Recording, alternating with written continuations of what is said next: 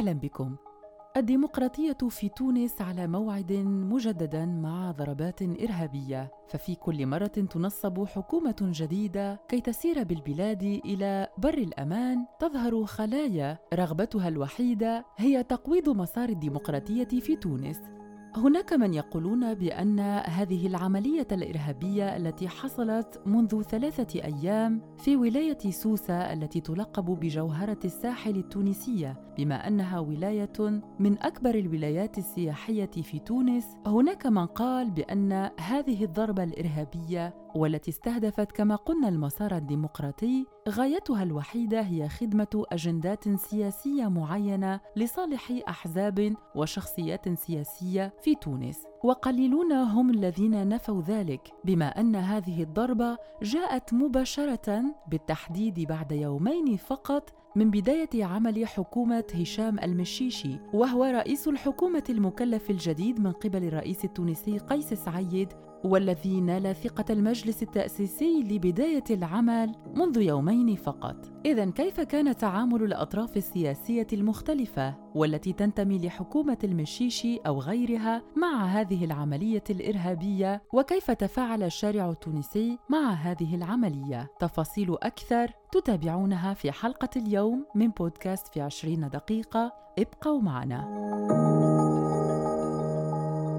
وكي نصف لكم ما حصل قبل ثلاثة أيام في مدينة سوسة الساحلية في منطقة أكودا بالتحديد في شرق البلاد التونسية فقد قتل عنصر من الحرس الوطني التونسي صباح يوم الأحد وذلك وفق ما تم الإعلان عنه من قبل المتحدث باسم الحرس الوطني لوسائل إعلام مختلفة. العملية تمت كالآتي عناصر إرهابية تقود سيارة قامت بدهس هذا العنصر الأمني صحبة رفيقه ومن من ثم قاموا بطعنه حتى الموت. عنصر أمني متوف والثاني يقبع الآن في المستشفى وحالته خطيرة. وقال السيد حسام الدين الجبالي وهو المتحدث باسم الحرس الوطني بأن دورية أمنية تضم اثنين من أعوان الحرس الوطني قد تعرضت للاعتداء بسكين من طرف إرهابي في وسط مدينة سوسة على بعد 140 كيلومترا جنوب العاصمة التونسية تونس. ومن ناحية أخرى أوضح حسام الدين الجبالي الجبال أن قوات الأمن قد لاحقت المهاجمين الذين كانوا قد استولوا على السيارة الدورية بشكل مباشر وأسلحة الضحيتين كذلك. وكان قد أشار إلى أن ثلاثة إرهابيين كانوا قد قتلوا في تبادل إطلاق نار بينهم وبين العناصر الأمنية التي لاحقتهم بغية القبض عليهم. وأكد بأن استعادة قوات الأمن للسيارة والأسلحة قد تمت فعلا. الهجوم وقع وجرت ملاحقة المهاجمين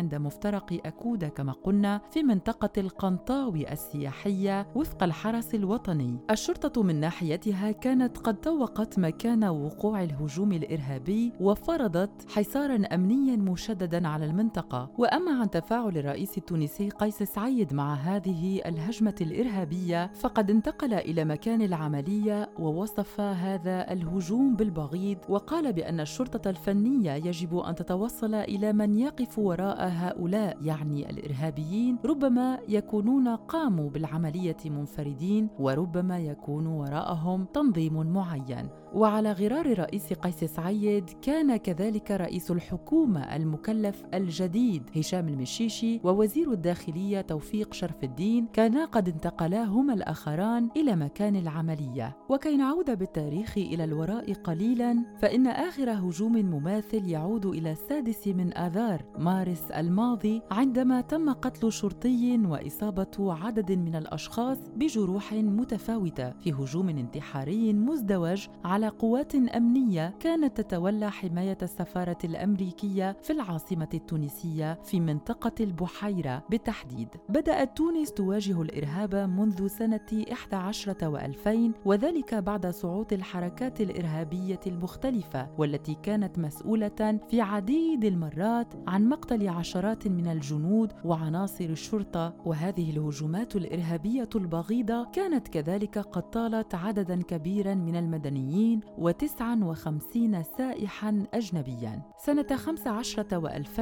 لا يمكن للتونسيين أن ينسوا ما حصل في شهر آذار مارس كذلك من العام نفسه حيث أسفر هجوم على أهم متحف في البلاد متحف باردو بالعاصمة التونسية عن مقتل ما يقارب الاثنان وعشرين شخصا من بينهم واحد وعشرون سائحا أجنبيا وشرطي تونسي. ومثلت هذه العملية عملية ضخمة جدا مقارنة بتلك التي حصلت سنة 2000 وقد تم تبنيها من قبل تنظيم داعش الإرهابي. في حزيران يونيو لسنة 15 و2000 استهدف هجوم إرهابي آخر. تبناه تنظيم داعش طبعا فندقا قرب سوسة أي في نفس الولاية التي حصلت فيها العملية الإرهابية الأخيرة والتي راح ضحيتها الشرطي التونسي. العملية التي تمت في شهر حزيران أدت إلى مقتل 38 شخصاً بينهم 30 بريطانياً.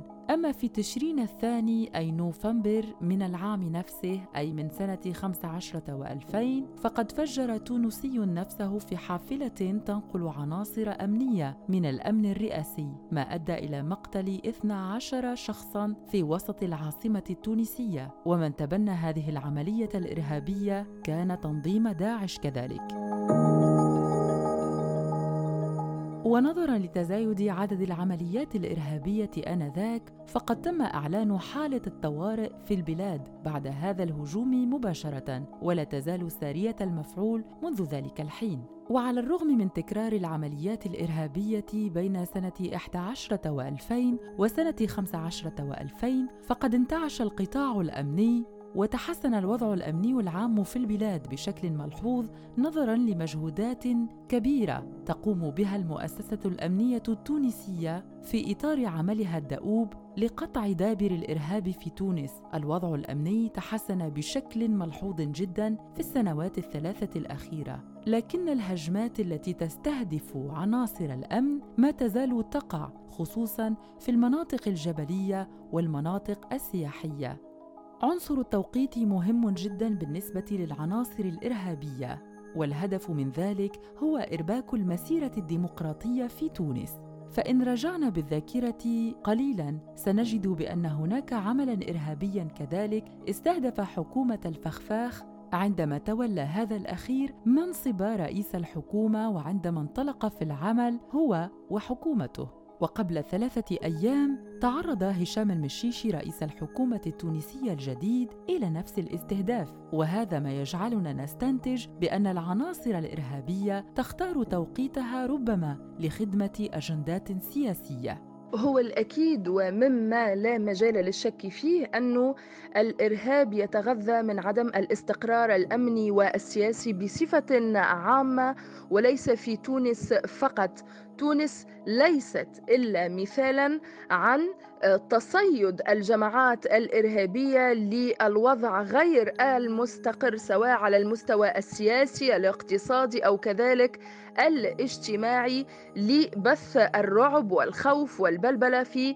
صفوف المواطنين وصفوف البلد في حد ذاته للقيام بعمليات إرهابية. وكأن الإرهابيين يريدون أن يقول نحن هنا. صحيح أن عملية أكودا الإرهابية التي حدثت مؤخرا في مفترق أكودا من ولاية سوسة وهي إحدى المناطق السياحية الساحلية والسياحية. هذه العملية التي تسببت أو تم فيها القضاء على ثلاث عناصر إرهابية على خلفية مطاردتهم بعدما قاموا طبعا بدهس دورية أمنية آه، والتي أدت بدورها إلى استشهاد وكيل أمني. هذه العملية التي جاءت تقريبا بعد يومين أو ثلاث من تنصيب حكومة هشام المشيشي رئيس الحكومة الجديد الذي كان يشغل أيضا منصب وزير داخلية في الحكومة المتخلية. ما هي إلا رسالة كما قلت لبث البلبلة والقول نحن هنا. ولكن ولكن ما وجب التأكيد عليه أنه هذه ليست المرة الأولى التي تتم فيها عمليات إرهابية بالتزامن مع تنصيب حكومة جديدة أو إعلان تحوير وزاري أو إعلان تشكيل حكومة جديدة. أذكر مثلا أنه بعد تنصيب حكومة المهدي جمعة في سنة 2014 صارت أكثر من عملية إرهابية بعد أيام معدودات فقط من تسلم جمعة مهامه نفس الشيء بالنسبة لحكومة الحبيب الصيد والتي على إثر أيام قليلة أيضا من توليه مهامه تم إحباط أكثر من مخطط إرهابي خطير. كان ينوي استهداف مقرات أمنية استهداف وزارة الداخلية كذلك. حتى بالنسبة لحكومة إلياس الفخفاخ الحكومة التي سبقت الحكومة الحالية آه، فور تنصيبها آه، فور تنصيبها وفي الساعات الأخيرة من تنصيبها آه، صارت عملية إرهابية في محيط سفارة الولايات المتحدة الأمريكية. إذا مرة أخرى بالتزامن مع تنصيب حكومة جديدة كما هو الشأن لحكومة المشيشي تحدث عملية إرهابية كما أشرت انتهت باستشهاد بالقضاء على ثلاث عناصر إرهابية واستشهاد عنصر أمني وإصابة آخر. كثير من المحللين تحدثوا على غرار هذا على ما يعرف بهجومات الذئاب المنفردة. فما معنى ذلك؟ وما هو الترابط الذي يمكن أن نلحظه بين هذه العملية الإرهابية التي استهدفت الشرطية في سوسة وتنظيم داعش؟ الأكيد أن الإرهابيين لا يعملون من فراغ. آه، الأكيد أن هذه العملية الإرهابية بعض المحللين يرون أنها قد تكون تعبر عن ما يعرف بعملية الذئاب المنفردة لأنه آه، تابعنا تنظيم داعش الإرهابي أعلن تبنيه للعملية بعد آه، آه، أقل من 48 ساعة من انقضائها. فيما يتعلق أو تفاعلا بمزيد من التفاعل مع سؤالك حول لماذا الآن بالضبط رئيس الجمهورية نفسه قيس سعيد كان وجه آه، كان وجه رسالة مضمونة الوصول. قال فيها ما مفاد واهم من يعتقد أنه سيقلب النظام أو يربك التونسيين بمثل هذه العمليات. وفي هذا التحذير أو في هذه الرسالة نوع من الجواب عن سؤالك أي أن الهدف من هذه العمليات الإرهابية السعي إلى قلب النظام أو كذلك إرباك التونسيين بنوعية هذه العمليات الإرهابية خاصة أن تونس تعيش من فترة نوعا من الاستقرار الأمني القوات الأمنية والعسكرية في أوج التصدي لهذه العناصر الإرهابية. ربما هذه المرة الأولى التي تحدث فيها عملية إرهابية بهذا النوع والتي تتمثل أتحدث طبعا على شكل العملية أو على الأسلوب يتمثل في الدهس بالنسبة للعمليات الإرهابية السابقة. تعودنا بنوع من تبادل إطلاق النار من العمليات الانتحارية من الغام من قتل من ذبح وغيره من الممارسات الإرهابية الدموية اللا إنسانية القذرة. ولكن ولكن لجوء الجماعات الإرهابية إلى ممارسة الدهس التي رأيناها في دول أخرى ولكن في تونس كما قلت تقريبا من المرات النادرة كي لا أقول المرة الأولى التي تحدث فيها عملية إرهابية باعتماد الدهس هذا يعكس يعكس نوع من التضييق على الجماعات الإرهابية التضييق عليها في الجبال الجبال التي كانت تتخذ منها العناصر الإرهابية مأوى لها وهي تعكس كذلك رقصة الديك المذبوح. كما قلت العناصر الإرهابية تريد أن تقول نحن هنا وإن في فترة اللا استقرار السياسي آه، تريد أن تجيب بطريقتها عن تضييق الخناق عليها ومحاصرتها من قبل الجماعات من قبل العناصر الأمنية. هي تريد بهذه العملية طبعا أن تقول نحن هنا وتبث رسالة مفادها الترويع والتخويف في صفوف التونسيين. ولا يجب أن ننسى أن هذه العملية بالإضافة بالإضافة إلى بالإضافة إلى تزامنها أو أنها كانت بعد يومين تقريبا من تنصيب حكومة المشيشي لأنها تتزامن كذلك مع الإحياء ذكرى انبعاث الحرس الوطني ولكن رد العناصر الأمنية كان حاسما لأنه في وقت وجيز تقريبا تمت مطاردة هذه العناصر الإرهابية. العملية الإرهابية التي استهدفت الشرطي التونسي والتي حصلت في مدينة أو ولاية سوسة التونسية جاءت بعد يومين كما قلنا من تولي رئيس الحكومة التونسي الجديد هشام المشيشي لمنصبه وكذلك بعد يومين من إلقائه خطابا أكد فيه بشكل كبير على تواصل عمله وأخذه لمشعل مكافحة الإرهاب في تونس وقال بأن الحرب على الإرهاب